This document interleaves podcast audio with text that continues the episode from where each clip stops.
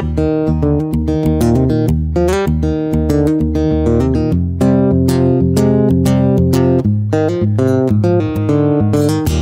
is De Oversteek, een podcastserie over ondernemen in de Verenigde Staten. Want wie wil dat nou niet? In een serie van zeven podcasts verken ik Amerika vanuit zakelijk perspectief. En dat doe ik in New York, het financiële hart van de wereld. Ik praat daar met Nederlandse bedrijven die de oversteek hebben gewaagd.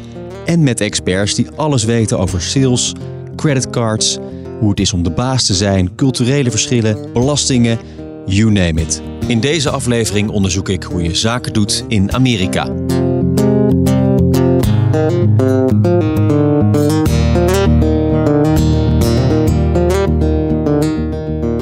Allereerst, als je zaken gaat doen in de Verenigde Staten, is het wel handig om te weten hoe het land er economisch voor staat. Nou, dan zou je af kunnen gaan op wat deze man zegt. We're going to win economically. We're going to win with the economy. We're going to win so much you may even get tired of winning. And you'll say, please, please, it's too much winning. We can't take it anymore. Mr. President, it's too much. And I'll say, no, it isn't.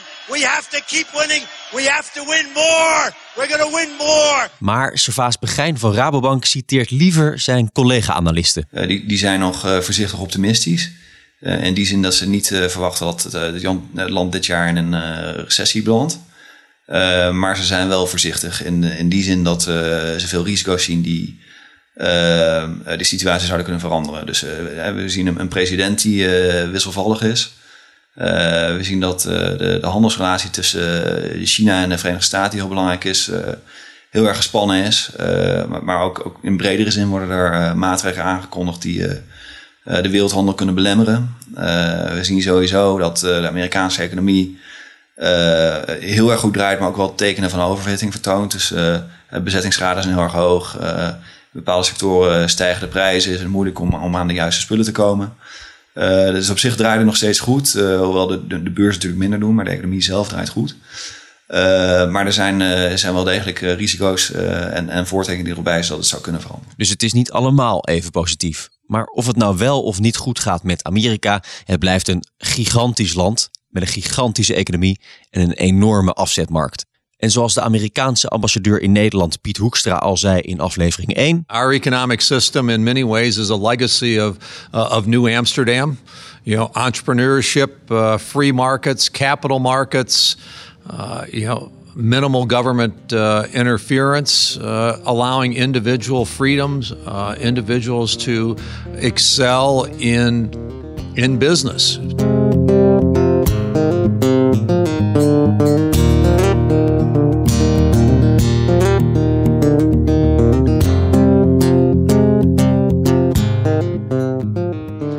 Geweldige economie hebben we dus gewoon aan onszelf te danken. Maar goed, als je zaken wil gaan doen in Amerika, dan is het uiteindelijk het doel dat mensen jouw bedrijf geld gaan geven. Wat heb je daarvoor nodig? Een bankrekening. Als je in Amerika gevestigd bent, dus je hebt een Amerikaanse entiteit opgestart en je moet bijvoorbeeld belasting gaan betalen, dan heb je een Amerikaanse bankrekening nodig. Dat is heel eenvoudig. Daar, dat, dat is uh, iets waar, zonder je niet, uh, niet aan de slag kunt. Je loopt dan gelijk tegen het, uh, het punt aan dat er inderdaad de Amerikaanse bankensector er heel anders uitziet dan in, die, in Nederland. In Nederland heb je maar, maar enkele tientallen instellingen met een bankvergunning. En eigenlijk wordt de markt gedomineerd door een handjevol grote instellingen. Maar het zijn eigenlijk maar een paar. En, en verder zitten er een paar duizend bankvergunninghoudende instellingen in de Verenigde Staten. En de meeste daarvan zijn ze kleine zogeheten community banks. Uh, die heel erg lokaal opereren en, uh, en, heel erg kleinschalig zijn. En het maakt dus nogal uit welke bank je uitkiest om, uh, om mee in zee te gaan. En hoe kies je die bank? nou, ik, ik, denk dat in de eerste plaats de bank jou kiest. Dus er zijn een heleboel Amerikaanse banken die helemaal niet zo happig zijn op buitenlandse ondernemingen of dochterbedrijven van buitenlandse ondernemingen. dat komt omdat in Amerika vrij strenge wetgeving is op het gebied van klantintegriteit. Dus, dus de, de, de, de zogeheten Know Your Customer Checks. Het is best wel werk om, om een, uh, een klant uh, aan boord te krijgen voor een Amerikaanse bank. en die, die kleinere banken of, of nou, relatiemanagers bij een bank, die moeten dan een, een BV gaan ontleden of naar KVK-informatie kijken. En dat, dat kennen ze niet. Snappen ze niet. en dan hebben ze gauw zoiets van, dat gaan we gewoon niet doen. Uh, maar goed, je zegt wil niet zeggen, de, de bank benadert toch niet de bedrijven? Nee, nee, als je bij een bank aanklopt, dan, dan zou het kunnen zijn dat ze zeggen, nou dat, dat gaan we eigenlijk niet doen. Of het duurt heel erg lang uh, voordat het uiteindelijk geregeld is om, om die redenen. Uh, wil niet zeggen dat het niet kan. Er is juridisch gezien niks dat in de weg staat voor een Amerikaanse bank om, om een bankrekening te openen voor een buitenlands bedrijf. Um, het, het, is zo dat de grotere Amerikaanse banken het zeker kunnen, maar die, die zijn soms weer wat kritisch. De, dus je moet even weten waar je, waar je terecht moet kunnen. Uh, en uh, nou, dan zul je informatie moeten aanleveren om uh, geaccepteerd te worden door die bank. dus dat zijn bijvoorbeeld je, je, oprichtingspapieren van je Amerikaanse entiteit. Ehm, en, en, wat andere identificatiedocumenten. en daarmee kunnen aan de slag krijgen een Amerikaanse bankrekening. een Amerikaanse bankrekening is wat anders dan in Nederland. Het is geen IBAN uiteraard, want uh, dat is puur voor Europa. Het betalingsverkeerssysteem dat eraan vastzit, is, is vergeleken met, zeker met het Nederlandse, ja, wat verouderd zou je kunnen zeggen, of wat minder geavanceerd. Ja, hoe merk je dat?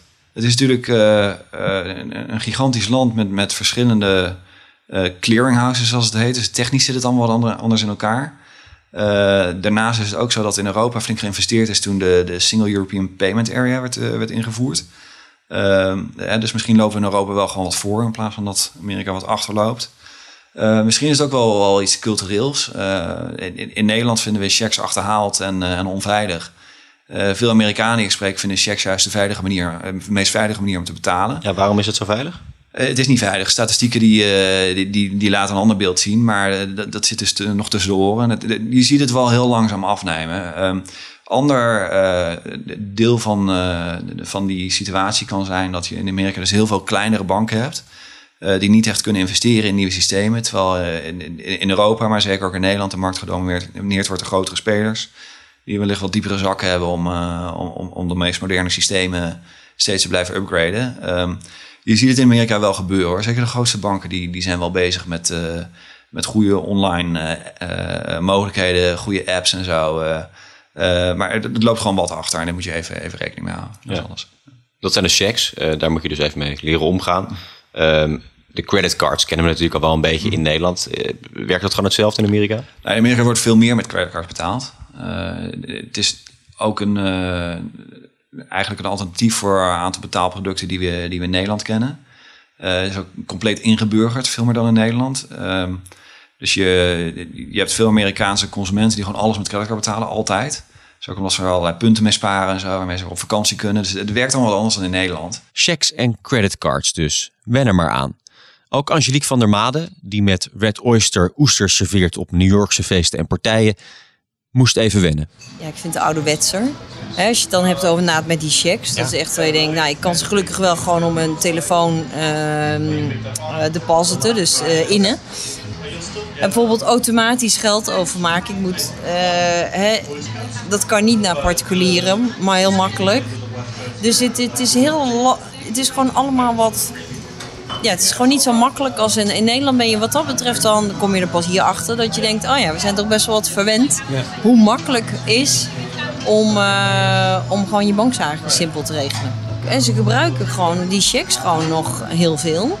Uh, gelukkig heb je natuurlijk wel wat modernere apps zoals een Venmo, dat je heel makkelijk naar iemand, een soort tikkie, even snel geld kan overmaken. Uh, naar bedrijven, het kost ook allemaal wel ook wat meer geld. Dus elke transactie die ik naar van, bijvoorbeeld voor de oesters inkoop of zo, die ik overmaak naar iemand, dat kost veel meer dan in Nederland. Dus ja, weet je, daar kom je allemaal pas achter als je, als je hier zit.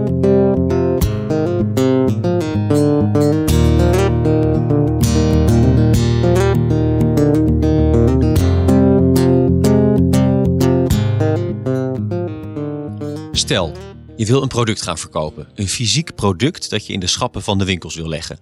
Ja, dan zul je het op een of andere manier over het land moeten verspreiden. Hoe ga je dat doen? Nou, daar moet je goed over nadenken volgens Marcel van Tuin. Hij is managing director bij Beemster Kaas in de Verenigde Staten en woont en werkt al meer dan 20 jaar in Amerika. In Nederland is, is, de, is de retail voor boodschappen, eh, die, die is gedomineerd door drie grote spelers. Hè. Dus je hebt de hele Ahold groep en de Jumbo groep en SuperUnie. En ik denk dat die bij elkaar zo wat iets van 90% van de markt hebben. Dus dat is enorm. Um, dat wil zeggen dat je in Nederland um, als je een goede relatie hebt met die drie partijen, uh, ja, dan, dan, dan, dan kom je natuurlijk heel ver.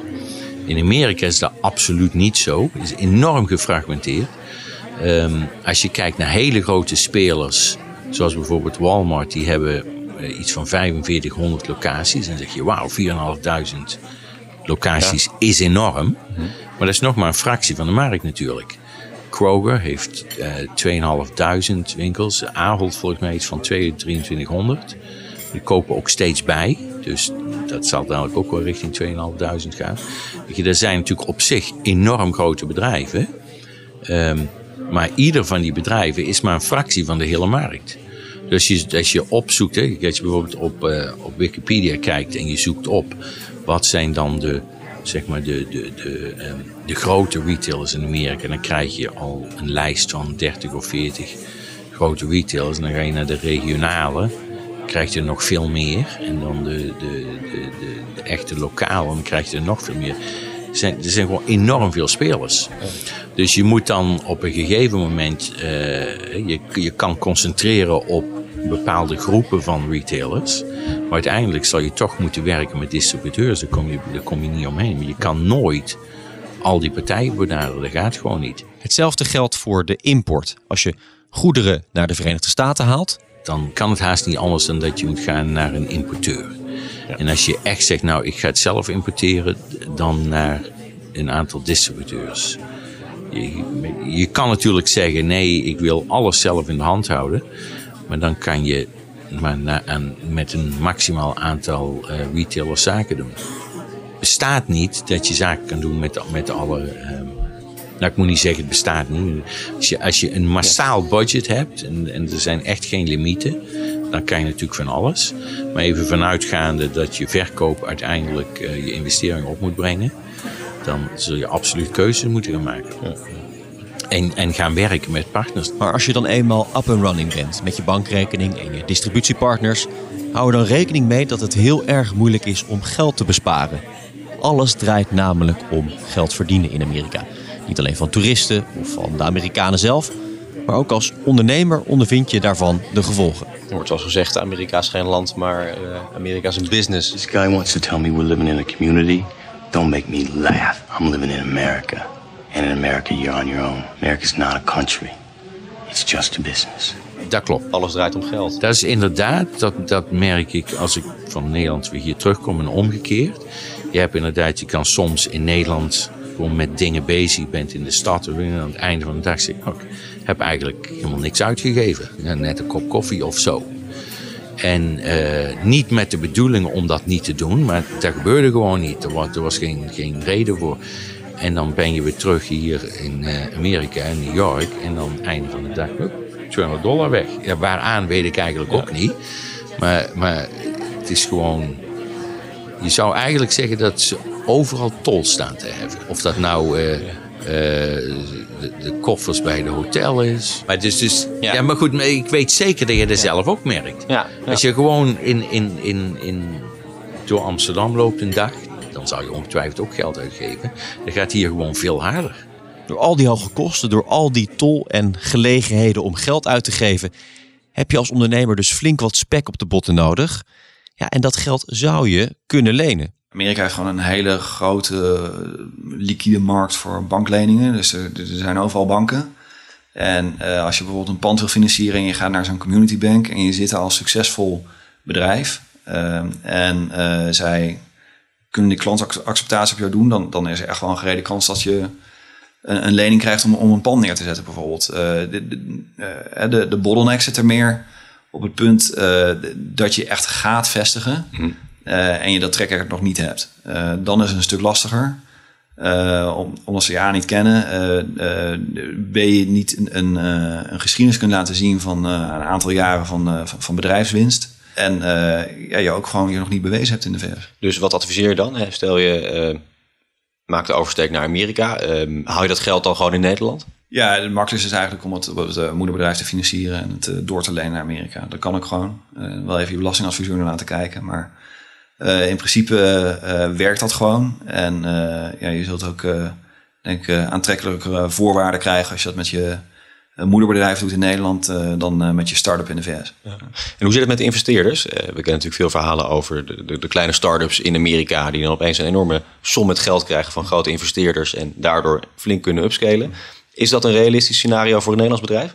Is het wel. Als je een goed product hebt wat daarvoor geschikt is. Dus als jij een, een fantastisch concept hebt voor, uh, uh, voor iets uh, in, in, de, in IT of zo, of, of biosciences of zo, ja, dat gebeurt. We zien ook inderdaad Nederlandse bedrijven of Nederlandse ondernemers die op die manier heel veel geld ophalen en, en, en hard groeien. Dat is wel een minderheid. kijk, de meeste bedrijven die vanuit Nederland naar de VS komen, zitten niet in die hoek. Maar zijn vaak bijvoorbeeld familiebedrijven met al heel veel jaren ervaring, die mogelijkheden zien om met dat product ook succesvol te zijn in de VS.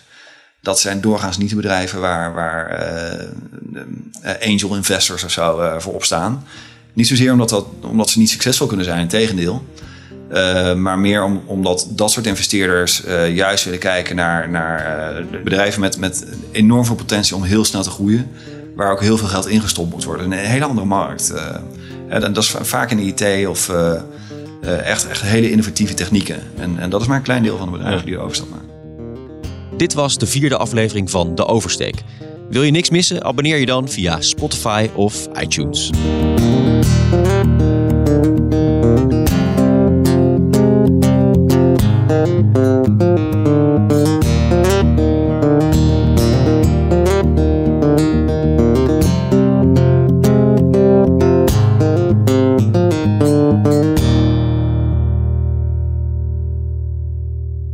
Deze podcast wordt gesponsord door Rabobank, Baker McKenzie, RSM Nederland en TAPS.